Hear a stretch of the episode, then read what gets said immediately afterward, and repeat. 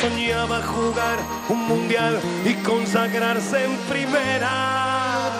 Tal vez jugando pudiera a su familia ayudar. ¡Grande Diego! Torque Lab.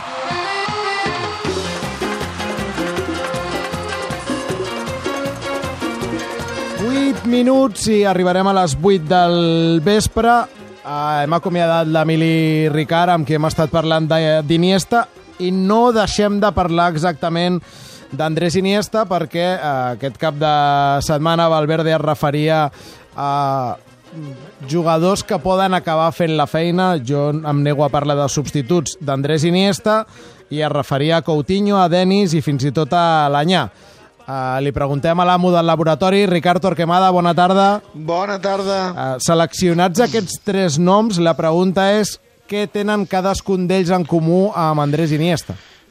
Home, doncs, eh, probablement n'hi ha que tenen més que d'altres, no? Jo crec que el jugador que més s'assembla a Iniesta de tots tres és Denis, eh, per la sensació que és un... tots tres pensen molt ràpid i tots tres tenen molta qualitat tècnica, el que fa que a vegades ens puguin recordar en alguns eh, capítols del joc a, a Iniesta.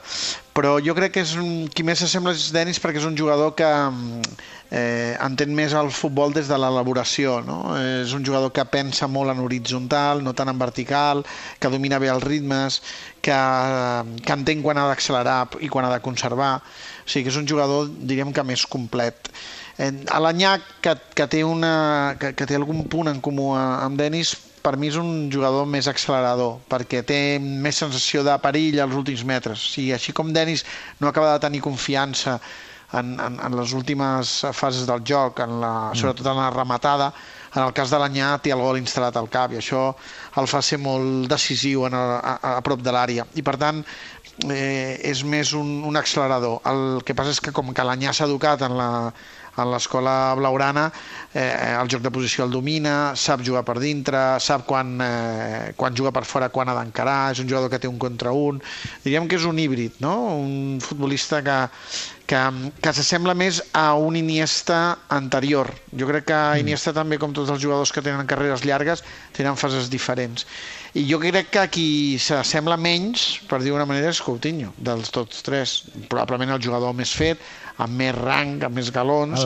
L'únic que s'ha fitxat pensant en, precisament en això. Sí, perquè potser els altres dos, en- entre que no hi ha confiança del tot i hi ha inexperiència, doncs potser eh, no, no entren en els plans com a prioritats. Però jo crec que Coutinho és el que menys s'assembla perquè és un jugador que aquest sí que necessita tenir com a referència la porteria, l'àrea rival, que és un jugador que quan rep va en vertical, que pensa molt poc en horitzontal, pensa molt en, en, en profunditat, i per tant que, que, que hi ha, per exemple, fases del joc del migcampista que ni tan sols les ha tastat mai, la sortida de la pilota, eh, el joc posicional, quan gira ja ataca, no gira mai i guarda la posició, sinó que és un jugador que necessita tenir llibertat, i ja sabem que per un migcampista tenir eh, diríem que clar el moment, en cada moment quina posició d'ocupar no sempre ha d'atacar sempre, a vegades es mou la pilota i no es mou ell en canvi Coutinho sempre es mou la pilota i es mou ell mm. i busca porteria i hem vist les, les xifres que ha fet Coutinho golejadores i d'últimes passades des que ha arribat al Barça un jugador amb molta productivitat ofensiva però que, que és un jugador que mira porteria Comparteixo, comparteixo aquest retrat que, que feia el Ricard i que, i que el que més s'hi assembla és Denis. De fet, eh, crec que així ho ha expressat Valverde, Busquets en una entrevista aquí al Tot Costa fa un temps.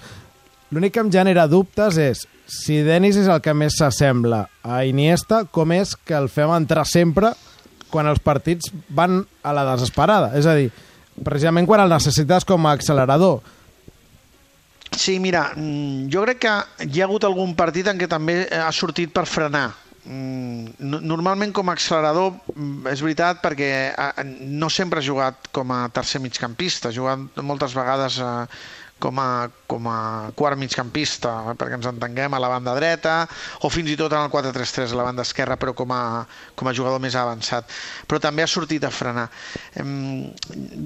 Jo tinc la sensació que, eh, que Valverde ha aprofitat Iniesta perquè és un jugador que, que és diferent, però que l'evolució del futbol de Valverde i Iniesta tenia una un, un inici i un final, és a dir, caducava.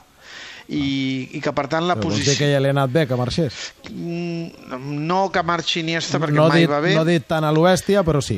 però Li condicionava el joc. sí, que en el pròxim capítol no és tan necessari un jugador com Iniesta. Jo crec, eh? Mm, pel, que, pel, que, pel que veig, eh, Sí, pel sí, que sí. dedueixo. És a dir, que, que en, la, en la mesura que, que es pugui desprendre del, del migcampista per dintre, jugarà amb el 4-4-2, que és més clàssic, amb dos mitjcentres i dos jugadors de banda.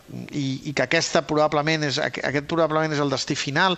L'arribada de Griezmann eh, ajuda que, tot i que no sigui un jugador de banda, pugui jugar eh, amb, amb dos futbolistes oberts i un que sigui més ofensiu i que Coutinho sigui un jugador més entre línies, però que, que amb dos mitjcentres ja, ja faci. L'evolució ha anat cap aquí i crec que quan ha jugat Iniesta eh, Valverde ha respectat el, aquest triangle del mig camp que ha estat gairebé innegociable perquè és que Iniesta al Barça li donava fluidesa i continuïtat però que no està del tot segur també amb les seves paraules que trobi una rèplica molt pròxima i com que no troba una rèplica molt pròxima abans d'experimentar amb un tercer migcampista eh, pensa que si fa l'equip més simètric probablement i que Coutinho pugui jugar a la banda esquerra amb llibertat, que jugui per dintre o per fora depenent del que, del que toqui i, que, i tenir un altre jugador a l'altra banda sigui Dembélé, sigui Griezmann que portin també atac amb els dos mitjcentres aguanti. Ara bé, faltarà veure quin, qui, qui, en quin equilibri troba en això i sobretot els jugadors de fora en quin moment ataquen i quan no, perquè aquí estarà la clau que l'equip no es trenqui. El tercer migcampista, que també podria ser Artur, eh? mm. és a dir, tenir aquesta peça,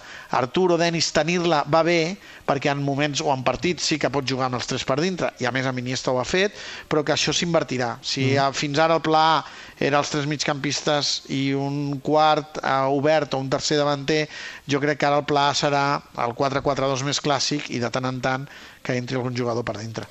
Pel que has dit ara, durant part de la temporada hem comentat eh, Coutinho el que no té potser ho pot aprendre, tot i que no érem, érem més aviat escèptics en que sí. això es pogués aprendre, eh?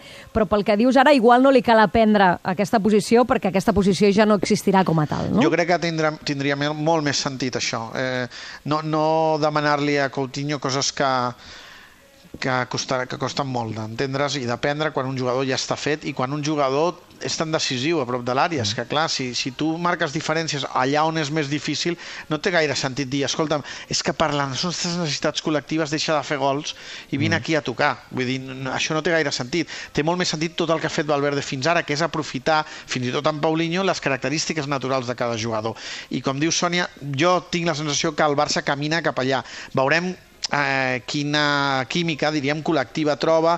A mi em preocupa molt l'absència de migcampistes en aquesta planificació que s'està que s'està començant a, a especular perquè fa la sensació que no hi ha cap prioritat de la zona de, del mig, que jo crec que és on justament l'equip s'esquerda. Ja fa s- anys. Exacte, però vaja, eh, est, diríem que entrem en una etapa que és gairebé el trident evolucionat, eh? O sigui, que els dos del mig... Més vertical que el trident. Clar, que els dos del mig són molt importants, però sí, jo, jo m'imagino més que Coutinho tingui aquesta llibertat que no pas intentar que Coutinho faci el triangle i que jugui per dintre quan és un jugador que, que no mira en amplitud, mira en vertical. Coutinho, Denis, Alanyà, tres possibles perfils per intentar fer el que feia Iniesta.